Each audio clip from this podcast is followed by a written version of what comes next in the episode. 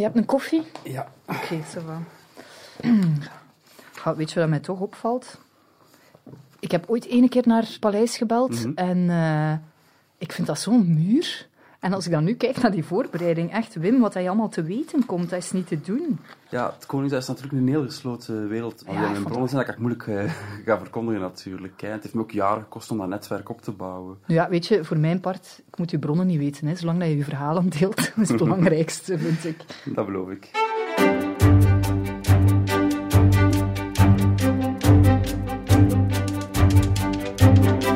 Ze is het enige meisje in België dat al heel haar leven weet wat ze later zal worden. Koningin van België. Maar als ze zelf zou mogen kiezen, wie is ze dan echt?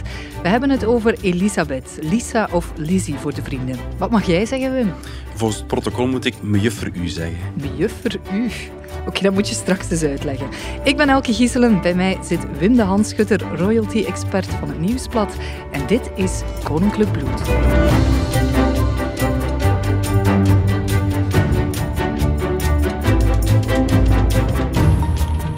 Dag Wim. Dag Elke. We zitten hier samen voor de tweede reeks van Koninklijk Bloed. Ja.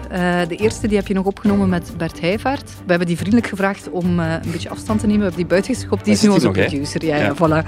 Dus hij zit hier uh, van op twee meter en ik kan niet tussenkomen. Dus we doen wat we willen. die eerste reeks, waarover ging die weer? Die eerste reeks was naar aanleiding van de 60ste verjaardag van koning Filip. En toen hebben we bekeken wat zijn familiebanden zijn. Hoe zijn Ja. relaties met zijn ouders, met zijn broer en met zijn zussen, met de kinderen. Dus ja, dat was eigenlijk echt de eerste goede verhalen bij. Dingen die ik nog niet wist. Of die ja, zo nog eens om opnieuw te horen of heel scherp te horen, eh, was leerrijk. Tweede reeks nu, waarover gaan we het hebben? Want je had zelf eh, het idee of de nood aan... Kijk, ik heb hier nog een belangrijk thema. Eigenlijk is het begonnen bij de 20ste verjaardag van Elisabeth. En ik merk gewoon dat er een hele generatie van jonge prinsen en prinsessen klaarstaan in Europa, maar ook daarbuiten, die ooit koning of koningin van een land gaan worden. En Elisabeth is de oudste van die nieuwe generatie. Ik heb zo het gevoel, daar valt heel veel over te vertellen. En dat gaan Ja. we nu de komende weken doen. Ja, want je hebt een portret over haar geschreven. Ik heb dat gelezen ook. Eh, daar stonden dingen in, echt... pff, Wauw. Ik dacht dat ik haar kende. Weet Ehm, ik, ik heb ook hetzelfde gevoel dat ik zelf Ja? nog veel te weten ben gekomen. Oké, ik ben nu al ja, meer dan tien jaar met het Koningshuis bezig. Eh, ik ga heel veel met koning Filip en koningin Mathilde op pad. Op reis en zo, ja. ik hoor heel veel verhaal uit hun mond en uit de entourage. Mhm. Maar voor dit portret ben ik nog op zoek gegaan naar extra getuigen. Getuigen naar mensen die mij nog meer konden vertellen over Elisabeth. En zoals ik zeg, ik ben zelf ook nog heel veel te weten gekomen.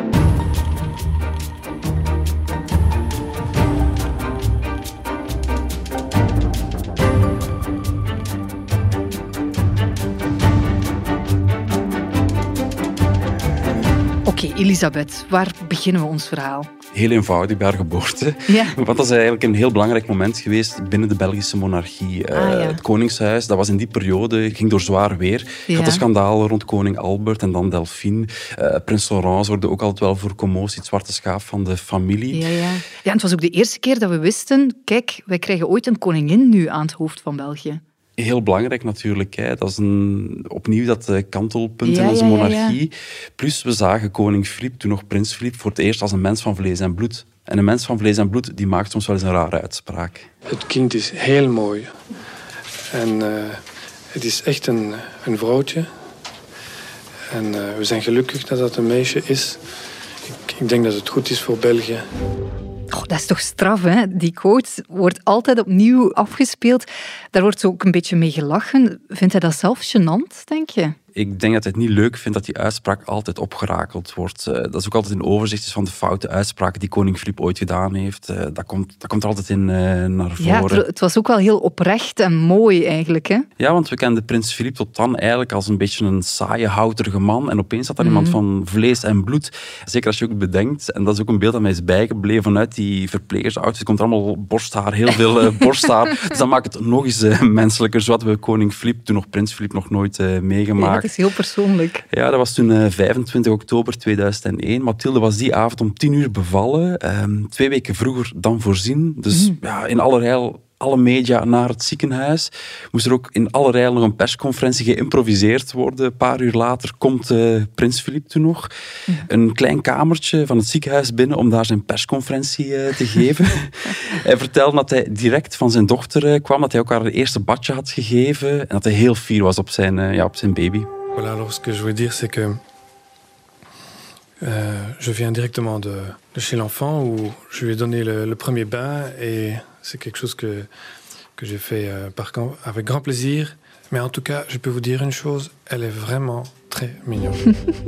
Hij zegt het zo schattig en zo stellig. Ze is zeer schattig. Ja, ze is echt een uh, fiere vader. Hè? Ja, ja, ja. Zeg, en haar naam. Uh, waarom hebben ze voor Elisabeth gekozen? In de eerste plaats omdat ze een mooie naam vonden. Dat heeft Filip ook tijdens die persconferentie gezegd. Het is een mooie naam.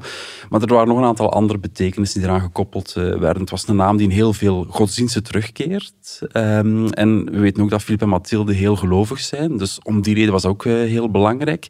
En natuurlijk Elisabeth, dat verwijst naar koningin Elisabeth. De vrouw van koning Albert I. De uh, overgrootmoeder van koning Filip nu. Ja, in die zin was er ook een traditie die eraan gekoppeld werd. En wat hij ook tijdens die persconferentie had uh, gezegd, was dat hij hoopte dat Elisabeth, zijn dochter Elisabeth, een goede koningin uh, ging worden, maar in de eerste plaats een oprechte, gelukkige vrouw. Dat is sowieso een, een verwijzing naar zijn eigen jeugd.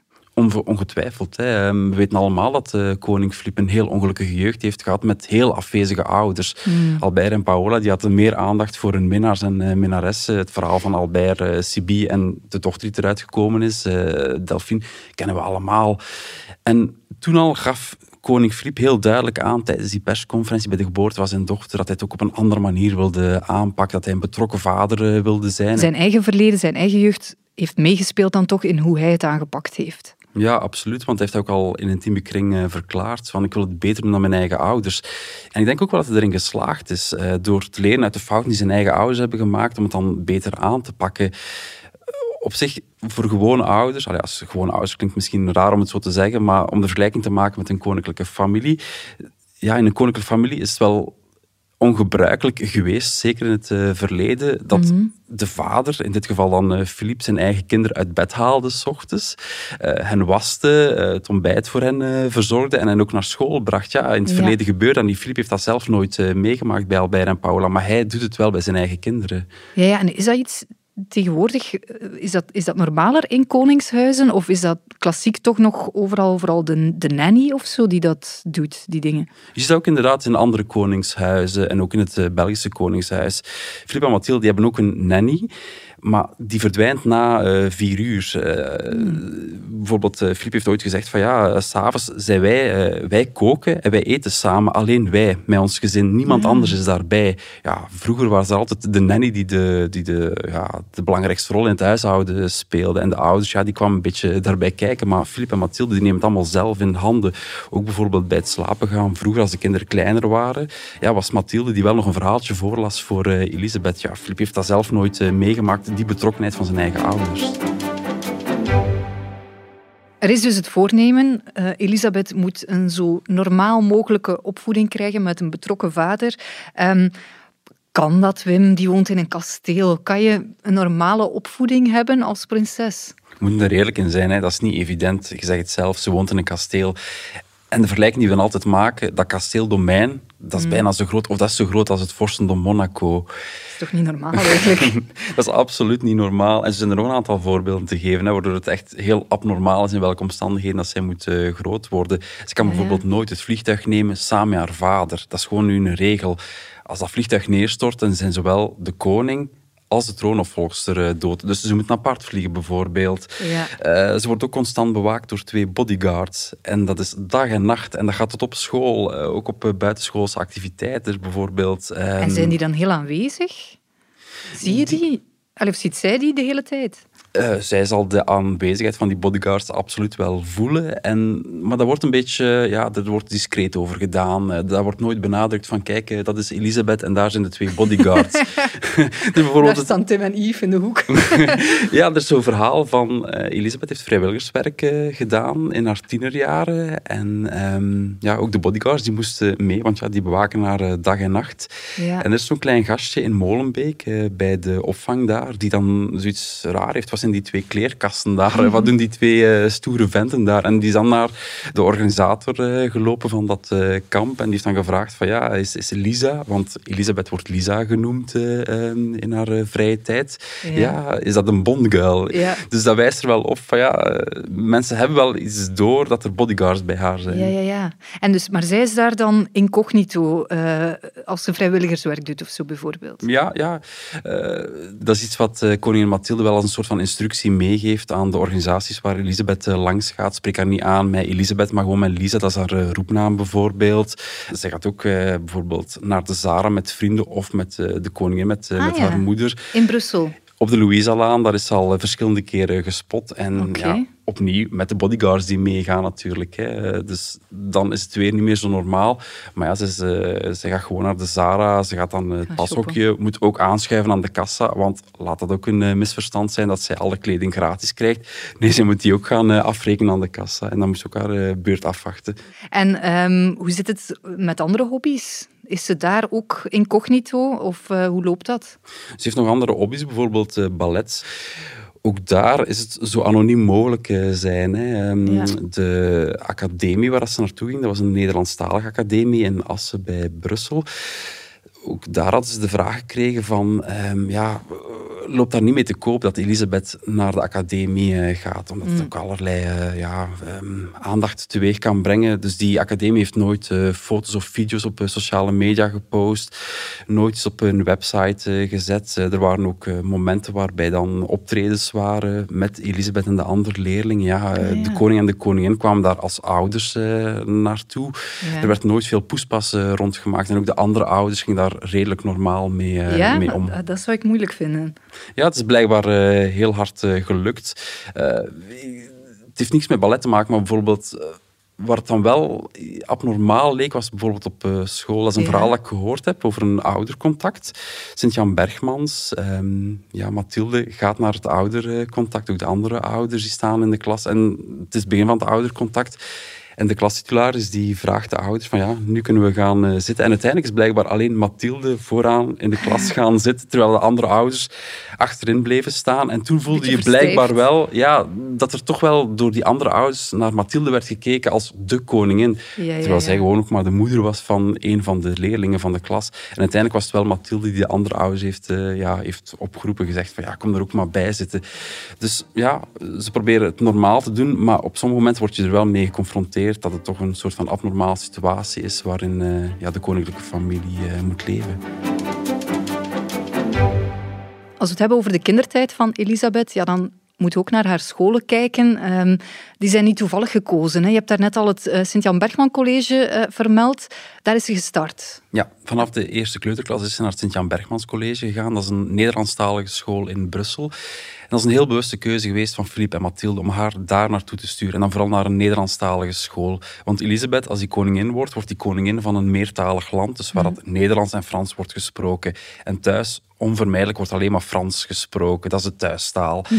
En daarom hebben Philippe en Mathilde beslist dat eigenlijk de rest in het Nederlands moet gebeuren. Uh, we gaan het zo meteen terug over de school hebben, maar bijvoorbeeld ook haar hobby's, allemaal in het Nederlands. Ballet naar Assen, uh, naar Nederlandstalige school. Elisabeth die kijkt naar Karwit, naar het jeugdjournaal op Catnet, of ze keek daar vroeger naar. en dus ook de school moet in het Nederlands uh, gebeuren. Want Philippe heeft ook gemerkt, ja, die heeft eigenlijk heel zijn kindertijd in het Frans doorgebracht, ook qua school. En pas op zijn vijftiende is hij naar Brugge, naar Zeveneken geweest, om daar naar een Nederlandstalige kostschool te gaan. Dus toen is hij pas in aanraking gekomen met het Nederlands. En dat wou hij absoluut vermijden bij Elisabeth. Mm. Dat hij ja, dat eigenlijk het Nederlands niet machtig zou zijn. Die naturel niet zou hebben. Ja, ja, ja. Weten we hoe ze was als leerling eigenlijk in de klas? Um, er wordt eigenlijk niet veel over gesproken. Maar ik heb uh, wel met een oud leerkracht kunnen spreken die weliswaar anoniem zijn verhaal mm. heeft uh, gedaan. Want ja, discretie is heel belangrijk als het daarover uh, gaat. En die heeft mij mhm. verteld Elisabeth, die was heel perfectionistisch. Uh, die was niet content met 6 op 10 als ze wist dat ze 8 op 10 zou kunnen halen. Dus ze legde voor zichzelf wel de lat heel hoog. Mm. En ze was ook goed bijvoorbeeld in Latijn, in Grieks, in uh, geschiedenis. En eh, ja, haar rol in de klas, eigenlijk was zij nooit het haantje de voorste. Mm. Omdat zij zoiets had van, ja, ik, ik ben al in een soort van bevoorrechte positie. Er wordt al naar mij gekeken als prinses, als toekomstige koningin. Ja, het heeft geen zin om, om nog meer in de aandacht te komen. dus vandaar dat ik altijd wel wat wegcijferde in de klas en ook op de speelplaats. Ja, van haar gaan we geen foto's zien, eh, geen pikante foto's van feestjes. Uh... Nee, nee, nee, nee. Je verwijst waarschijnlijk naar Alexia, naar de Nederlandse prinses. Ja, daarvan zijn foto's opgedoken recent van ja, Alexia in een pikante kleding op haar kostschool in Wales. Trouwens, dezelfde school waar Elisabeth naartoe is gegaan op haar zestiende. Mm Ja, van Elisabeth ga je dat soort foto's niet zien. En zelfs andere stiekem privéfoto's, ja, die gaan we nooit te zien krijgen. Ik, ik herinner me dat ik enkele jaren geleden ook vanuit Wales een foto had doorgestuurd gekregen van haar. Van ja, een Instagram-story van een medeleerling. En die had haar gefotografeerd omdat ze haar 16e verjaardag vierde in Wales. En ze was pannenkoeken aan het eten. En op die Instagram-story stond er zo'n tekstje: Happy birthday, Lizzie. Dat was eigenlijk een heel onschuldige foto. En ik vond die mhm. best wel leuk om in de krant te publiceren. Dus ik heb naar het paleis gebeld. Ja, krijgen we de toestemming om die te gebruiken? Maar ja, nee, dat was absoluut niet mogelijk, want het was een minderjarige. Hij staat nog altijd op mijn computer, maar ik mag hem niet tonen. Misschien dat ik het straks toch eens vraag, stiekem. Um, en waarom de keuze voor die kostschool in Wales? Dat was op haar zestiende zeker, hè? Ja, de laatste twee jaar van het middelbaar onderwijs heeft ze in Wales eh, doorgebracht op het Atlantic College. Dat was een kostschool. En daar zat ze samen met 330 jongeren van 120 nationaliteiten. At UWC Atlantic, we offer life-defining experiences for young people enabling them to discover the possibility of change through courageous action. Personal example, Kun je eventueel kaderen in de filosofie van Philippe en Mathilde? We mogen Elisabeth niet wereldvreemd laten opgroeien. Ze moet in contact komen met verschillende nationaliteiten, met verschillende culturen. En sowieso op die school uh, krijgt... Wel, wel wat elitair, of niet? Ja en nee. Uh, elitair in de zin van het inschrijvingsgeld is wel aanzienlijk. Uh, Elisabeth moest bijvoorbeeld 33.000 euro betalen om daar per schooljaar toegelaten te worden. Mhm. Anderzijds niet, niet elitair, omdat er ook heel veel uh, leerlingen uit kansarme gezinnen zaten of uit derde wereldlanden en die kregen een beurs om daar te studeren. Ja, ja, ja. Um, daarna, op haar achttiende dan, is ze ehm, een opleiding in het leger gaan volgen. Dat was vorig academiejaar. Is inderdaad naar de Koninklijke Militaire School gegaan. En ook dat past dan in de opvoedingsstrategie van Philippe en Mathilde om haar te vormen tot uh, koningin. Want ja, als ze koningin wordt, dan wordt Elisabeth ook de opperbevelhebber van het Belgisch leger. En dus is het ook belangrijk dat zij het leger van binnen en van buiten kent. Ik ehm, ben daar vorig schooljaar ook uh, langs geweest bij haar op die, op die Koninklijke Militaire School. Ja, want krijgt hij dan een even dat zijn toch harde opleidingen, denk ik. Ja, ja, en het is mij verzekerd dat Elisabeth op dezelfde manier werd behandeld dan de andere uh, leerling-officieren. Dus zij moest ook door de modder gaan, ze moest deelnemen aan kampen, droppings meemaken, ze moest in tentjes slapen en dergelijke. En ik heb ook trouwens gesproken met, ehm, met de directrice van die opleiding, met uh, Isabel van Havermaat. En die vertelde mij, of die verzekerde mij alleszins van ja, Elisabeth is een eh, meisje zoals alle anderen tijdens de legeropleiding. dus haar koninklijke hoogheid is op hetzelfde moment binnengekomen dan andere, uh, alle andere leerlingen. De wens van het paleis is heel uitdrukkelijk dat zij wordt behandeld zoals alle andere leerlingen. Dus wij spreken haar ook aan met de naam van België, aangezien zij uh, is opgedeeld in een Nederlandstalig peloton. Niemand wist in welk peloton dat ze gingen zitten. Uh, en uiteindelijk heeft zij zich zodanig goed geïntegreerd dat ook nog, denk ik, nog veel mensen nog steeds niet weten in welk peloton ze nu echt zit. Dus zij krijgt een volledig hetzelfde programma dan al de andere leerlingen. Wordt ook aangesproken als ze een fout maakt en ook als ze iets goed doet. Vond ze dat zelf leuk?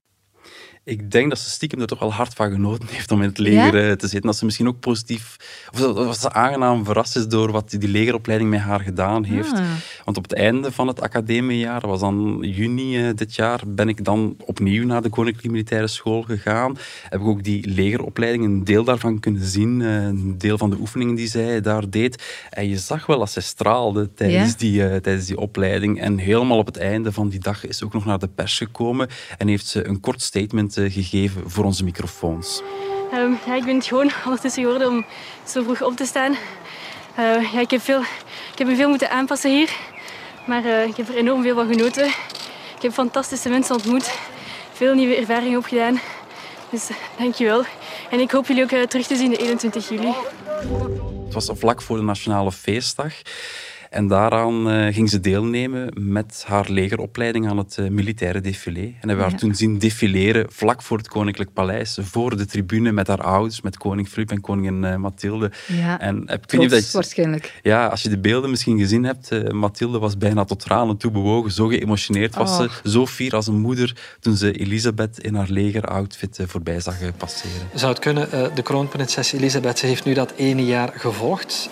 Voilà, ik denk dat ze hier in beeld is. Hè. Ik denk dat we hier hebben. Ja. Dus zij heeft inderdaad haar eerste bachelorjaar Kijk, kijk, kijk. En toch wel een stukje de gelukkige ouders, hè? Vier ouders. Zeggen, hè? Vier, hè? Absoluut, absoluut. Ik zou ook vier zijn in, in hun plaats. Ja.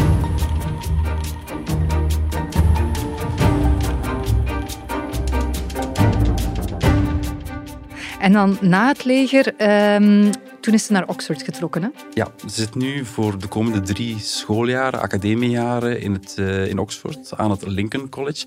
En daar studeert zij uh, geschiedenis en politiek. Ook dat is dan weer onderdeel van haar opleiding tot uh, koningin. Mm, want ze dat is geen toevallige keuze. Allee, dat is niet, zou ze dat zelf gekozen hebben ook?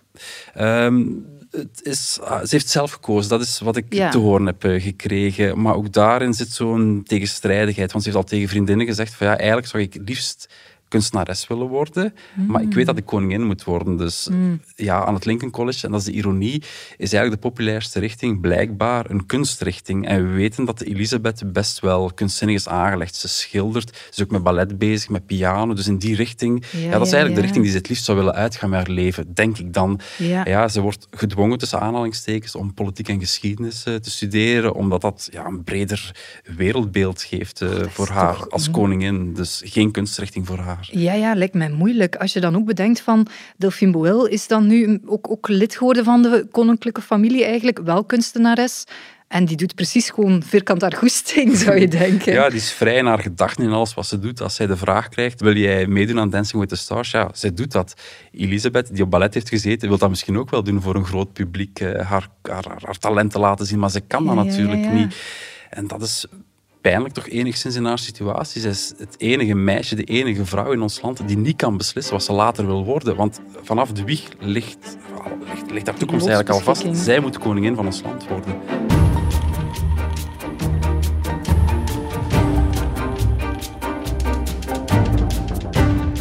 Elisabeth die was vier jaar oud en ze moest mee naar zijn officiële fotosessie in Bokrijk.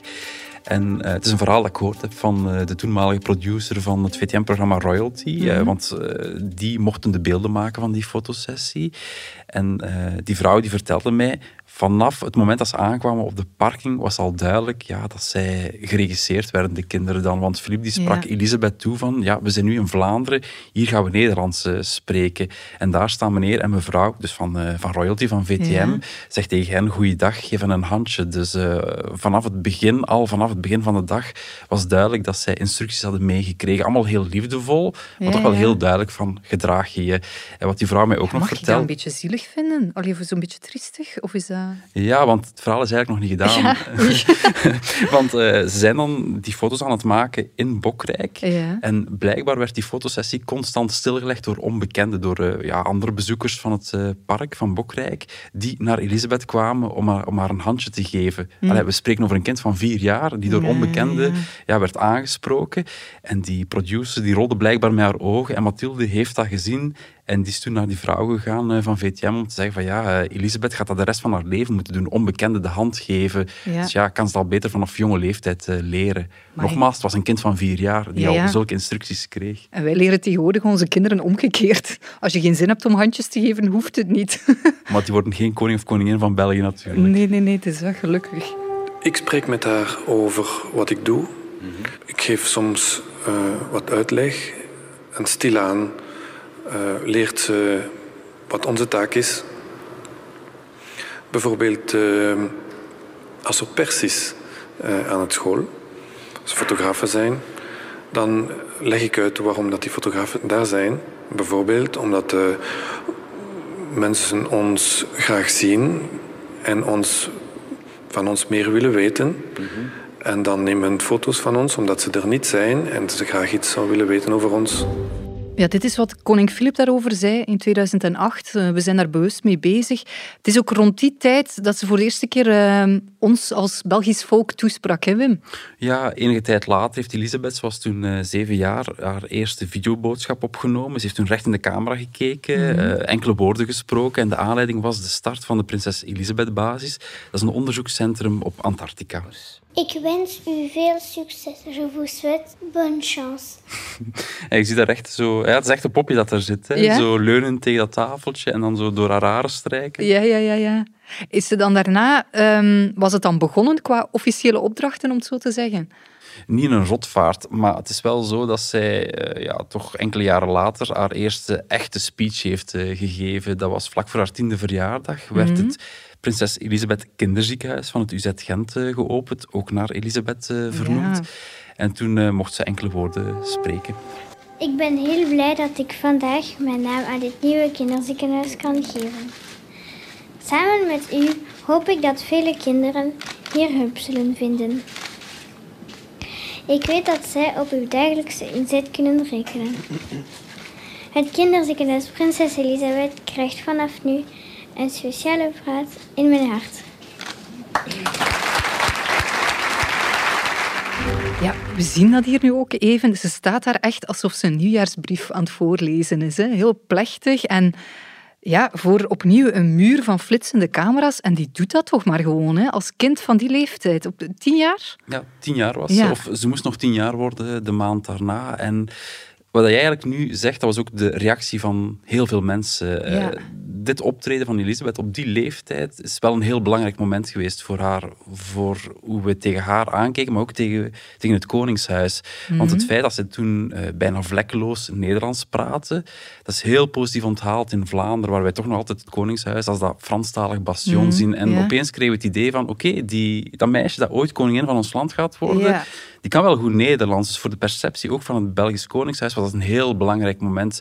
En het feit ja, die, uh, dat ze dat bijna als een nieuwjaarsbrief uh, voorlas, toch met een zekere zelfverzekerdheid voor een kind van haar uh, leeftijd, ja. ja. dat mogen we misschien ook toeschrijven aan de verdiensten van koningin Mathilde, die logopediste was, die ook psychologe is geweest, een opleiding daartoe gevolgd heeft. Ja. Zij gaat ongetwijfeld wel Elisabeth goed voorbereid hebben op dit, op, de, op, de, op dit moment. Zo van ja, het is goed dat je naar je papieren kijkt, maar je moet ook af en toe het publiek aankijken en interactie opzoeken. Ja, ja, ja. Dus, ja. ja haar ouders zullen haar zeker wel geholpen hebben op dat moment om het zo te doen. Ja, waarschijnlijk. En op haar dertiende kregen we haar dan nog eens te zien met een speech die ze deze keer zelf geschreven had. Hè? Dat was op het uh, lichtfront als een oorlogsherdenking. Ja. En dat is misschien een nog belangrijker moment geweest dan die speech die we net gehoord hebben in het uh, kinderziekenhuis. Omdat ze toen um, um, bij dat lichtfront die speech in drie talen heeft uh, gedaan. Mm -hmm. In de drie landstalen, in het Nederlands, in het Frans en in het Duits. En ze had die ook zelf geschreven en ze heeft daar heel veel positieve reacties op uh, gekregen. À nous les jeunes de lever haut notre flambeau et de former comme aujourd'hui un front de lumière. Es ist an uns Jugendlichen unsere Fackel hochzuhalten und so wie heute eine Lichterfront zu bilden. Het komt ons jongeren toe om onze fakkel hoog te houden en om zoals vandaag een lichtfront te vormen.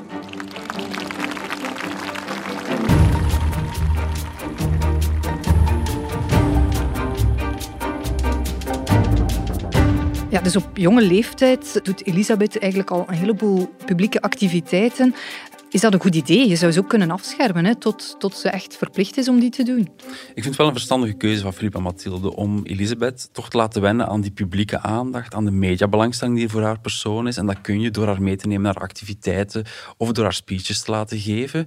Maar zijn er ook altijd wel voor gezorgd dat Elisabeth nog altijd een gewone jeugd kon uh, genieten. Dus die activiteiten, die publieke activiteiten, die waren best wel op de, handen, op de vingers van één hand uh, te tellen. Het was geen overdaad. Mm. En ik geloof ook dat ze dat alleen maar gedaan hebben omdat Elisabeth er ook al klaar voor was. Uh, ja. Ze kon die speeches geven, ze kon al met die media-aandacht omgaan. Kleine en, proevertjes of zo. Ja, ja ze ja. kon zo wat snuffelen aan het later leven dat ze moet leiden. Hè. En dat zag je dan vooral op de leeftijd van 17 jaar. Ze ging bijna 18 jaar worden. Toen heeft Mathilde haar meegenomen op een UNICEF-missie naar Kenia. Mm. En dat was dan echt, zoals ik het zelf noem, een snuffelstage voor Elisabeth. Ja. Nu hebben we besloten om Elisabeth bij te betrekken voor een zending UNICEF hier in Kenia. Maar dat was echt een, een beslissing van de ouders. Dus de koning volgt wat we doen hier op het terrein in Kenia en hij is ook heel trots op zijn dochter. Dus dat was haar eerste grote officiële reis dan, ja, wellicht met een, eh, een vliegtuig vol pers mee daar zou je van verschieten. Want eigenlijk was het verzwegen dat zij meeging. We wisten alleen maar dat koningin Mathilde die reis ging ondernemen naar Kenia, maar er werd niets gezegd over Elisabeth. Ik had alleen maar vanuit het paleis de boodschap gekregen van je moet zeker meegaan, want het wordt interessant, want koningin Mathilde die gaat uh, ja, dozen of, of, voedingsboxen afleveren in een vluchtelingenkamp. Visueel gaat dat interessant worden, dus daarom moesten we meegaan. Dus ik had wel een beetje argwaan van oké, eh, er is iets op til. En ik had al een voorgevoel van Elisabeth die gaat meegaan. En toen ik echt vroeg van ja, gaat er nog iemand anders mee dan uh, koningin Mathilde, kreeg ik echt wel de boodschap van nee, nee, nee, nee. Dus eigenlijk werden we een beetje ja, om de tuin uh, geleid. Dus uh, dat was wel ja, bijzonder. En, en opeens ja, dook zij op. Ja, wanneer dan? Hoe dan? De bedoeling was dat zij ging voorgesteld worden bij het begin van de eerste activiteit, toen we wel in Kenia waren. Mhm. Maar uh, we zaten op het vliegtuig, uh, een tussenlanding in Schiphol. En mm -hmm. ja, we zaten al op het vliegtuig met een aantal collega's. En opeens zien we in de verte uh, ja, een jong meisje opstappen, samen met koningin Mathilde. En mijn collega en ik kijken elkaar aan. Is dat Elisabeth? En dat was echt wel vol ongeloof dat we elkaar aankeken. Van, dat kan toch niet waar zijn dat zij hier opeens bij deze reis aanwezig was. En ja, ja, achteraf bleek inderdaad dat het Elisabeth was. Ja, ja, ja. En um, wat voor indruk maakte ze op jou? Um, ik herinner me nog dat zij binnenkwam, want we gingen een vlucht nemen naar een vluchtelingenkamp dan, een, uh, een nieuwe vliegtuigenvlucht. En zij kwam binnen samen met uh, koningin Mathilde. Zij liep achter Mathilde aan en mm. ja, Mathilde die nam het woord, die sprak ons aan, terwijl Elisabeth zo van, op de, ja, van, van achter de rug van Mathilde meeluisterde. Ik had wel de indruk dat zij op dat moment nogal wat bedeesd was, want opeens stonden daar een 10 à 12 journalisten voor haar uh, neus en cameraman en uh, fotografen. Dus op dat moment was ze best wel nog uh, verlegen. Maar ook voor ons was het echt wel aanpassen, want ehm, ik herinner mij dat wij op dat moment, nog voordat zij de ruimte was binnengekomen, opeens tot het besef kwam van ja, we moeten Elisabeth aanspreken, maar hoe doe je dat? Ah ja, het protocol. Niet, ja, ja, ja. Uiteindelijk, je kunt moeilijk Elisabeth uh, zeggen. Het protocol verwacht toch dat je dat op een officiële manier doet. Ja, bij Mathilde weten we, moeten die met majesteit of met mevrouw aanspreken. Maar mevrouw kun je toch moeilijk zeggen tegen een meisje van nee, nee. Uh, 17 Oeh, jaar. Even stressen. Ja, ja, of haar koninklijke hoogheid, dat klinkt ook niet zo echt. En zelfs het paleis wist het niet, want we hebben toen aan het paleis gevraagd van ja, hoe moeten wij nu Elisabeth aanspreken? En... Ondanks alle voorbereiding vielen ze uit de lucht. dat was eigenlijk de enige, de, de, de enige fout, ja, fout uh, die ze gemaakt hebben. Van, ja, Ja. We weten niet hoe ze moeten aanspreken. En uiteindelijk was het met uh, mijn juffrouw of voor de Franstalige mademoiselle. Ja, gaf ze daar dan ook interviews? Eigenlijk heeft ze geen interview gegeven. Het was eerder een statement, zowel in het Frans als in het Nederlands voor de camera's. En daarin heeft ze teruggeblikt op die reis in Kenia.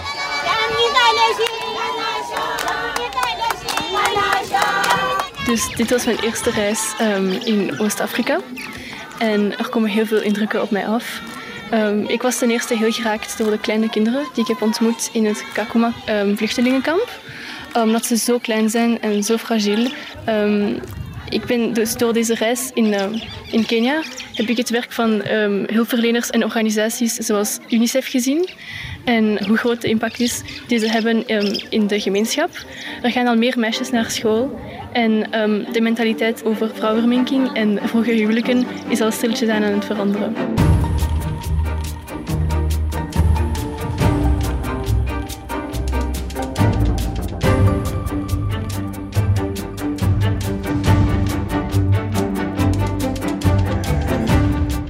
We hebben het nu nog niet gehad over een van de belangrijkste thema's eigenlijk hè, in een mensenleven.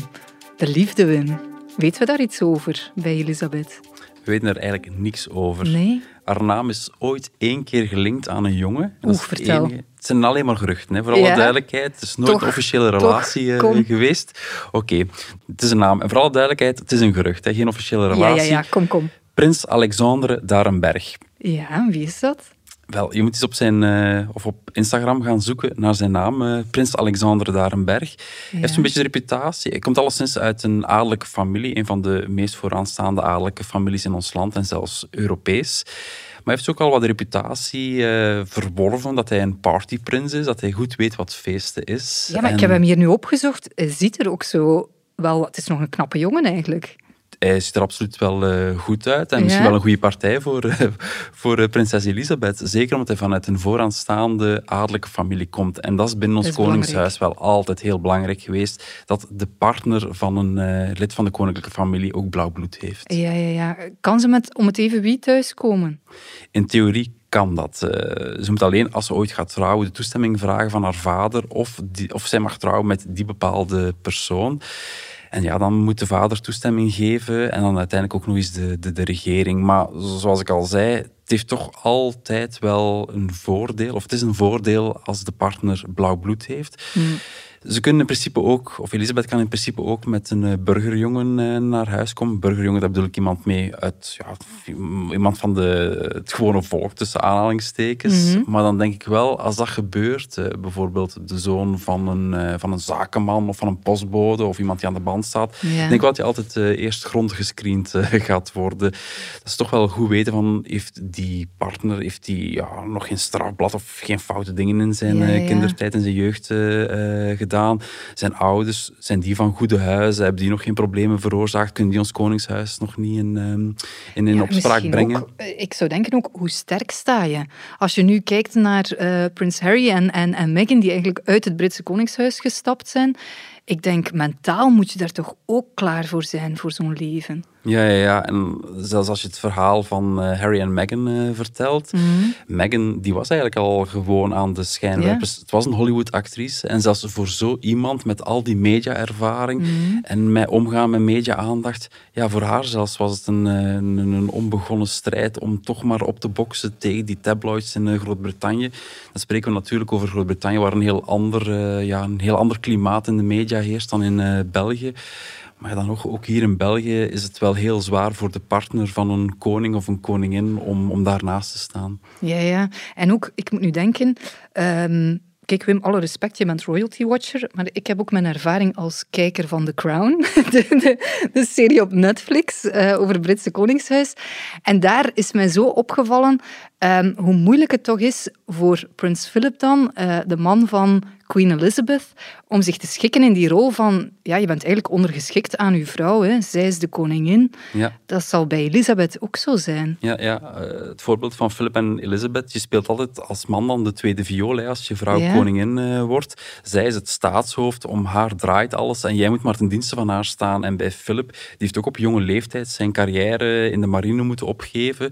Had ook heel, een heel ander leven voor zich uh, gezien, een veel langere carrière bij het, bij het leger. Maar omdat zijn vrouw koningin werd, moest hij ook uh, ja, zijn eigen ambities wegcijferen. En dat gaat hetzelfde geval zijn bij onze prinses Elisabeth. De man of vrouw die naast haar uh, komt te staan, ja, die gaat altijd in de schaduw van Elisabeth eh, staan. Mm -hmm. Mag ze met een vrouw uh, thuiskomen? Ja, hè? werd onlangs... Officieel wel. Officieel mag... Uh, Oei, officieel. Um, ja, homoseksualiteit blijft wel een taboe binnen Koningshuizen. Eh, we mogen dan wel het land zijn waar wij ja, na Nederland het eerst, als eerste het homohuwelijk hebben goedgekeurd.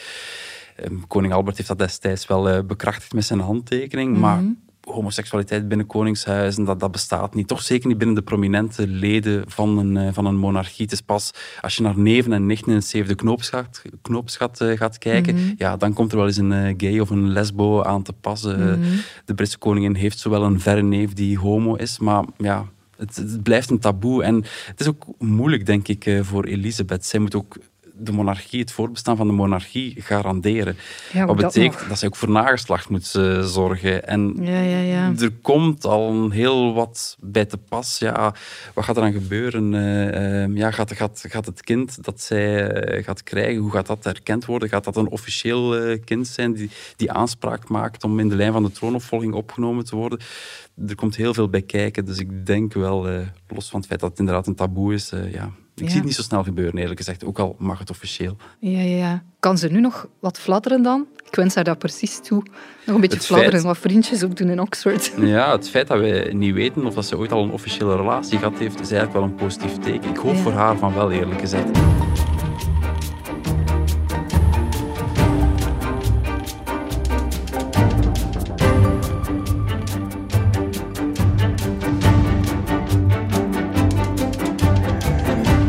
Elisabeth zit nu drie jaar in Oxford. Als ze afstudeert zijn we zomer 2024.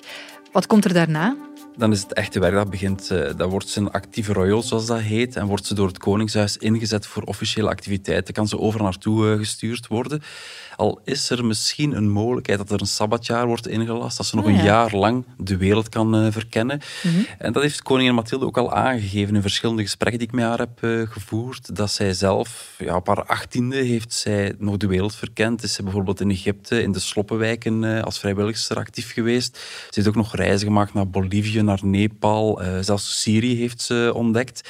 Dus ze heeft een jaar lang nog de wereld kunnen verkennen. En dat is iets dat ze altijd heeft eh, willen meegeven aan Elisabeth. Dus mogelijk is er nog een jaartje, een sabbatjaartje dat voor Elisabeth eh, ligt weggelegd. Maar Ja. dan, zeker vanaf 2025, wordt het echte werk ingezet. Ja. En wat ook belangrijk is, eens als zij eh, officieel dan de troonopvolgster is en officieel aan het werk eh, wordt gezet, is dat ze ook een dotatie krijgt. Normaal gezien had ze er al recht op, op haar 18e verjaardag, maar, Mhm. prins, maar eh, koning Filip en koningin Mathilde hebben beslist van, ze heeft nog geen nood aan een staatstoelage. Die zou zo rond de 900.000 euro per jaar bedragen. Ja. Want ja, ze is nog aan het studeren en als zij dan geld gaat krijgen van de overheid, dat gaat alleen maar verwachtingen met zich meebrengen. Ze gaat ook moeten verantwoorden wat ze met dat geld doet. Maar ja, als ze nog studeert nu in, eh, in Oxford, ja, ze heeft nog niet echt officiële activiteiten. Ze moet nog Ja, geen ja, uitgaven ja. doen. Ze heeft nog geen personeel in dienst, dus laat die dotatie maar.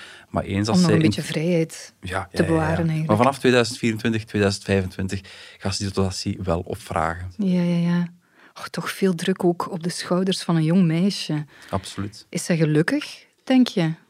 Ehm, wat mij opvalt als ik naar Elisabeth kijk, ik zie haar nooit uitbundig lachen. Ja. Dus daaruit kan ik wel afleiden, en dat hoor ik ook in alle verhalen en de gesprekken die ik gevoerd heb met Intimi, is dat ze nogal een redelijk bedeesd, timide, terug, teruggetrokken meisje is. Mhm. Maar aan de andere kant vertelde iemand mij wel uit haar entourage van oké, ehm, ze is heel evenwichtig. Ze staat met Mhm. beide voeten op de grond. En dat is misschien het hoogst bereikbare voor een meisje met haar lotsbestemming. En die Ja. lotsbestemming is om koningin van België te worden. Wat voor koningin wordt ze? Als je een wetenschapper zou vragen, maak mij de perfecte koningin, Ja. dan gaat hij zijn laboratorium in en dan komt daar waarschijnlijk prinses Elisabeth uit. Ja. Ze heeft de brains en de looks, ze is goed in haar talen, ze is sportief, eh, ze heeft charisma. Dus ik denk wel dat zij heel veel adelbrieven al kan voorleggen. Ja. En je merkt dat ook, dat zij ook als voorbeeld wordt gezien binnen die jonge generatie van Europese prinsen en prinsessen waar we het al eerder over gehad hebben. Ja, ja, ja. Bijvoorbeeld ehm, Amalia in Nederland wordt binnenkort 18 jaar, gaat geen dotatie aanvragen zolang ze studeert. Heeft Elisabeth ook gedaan.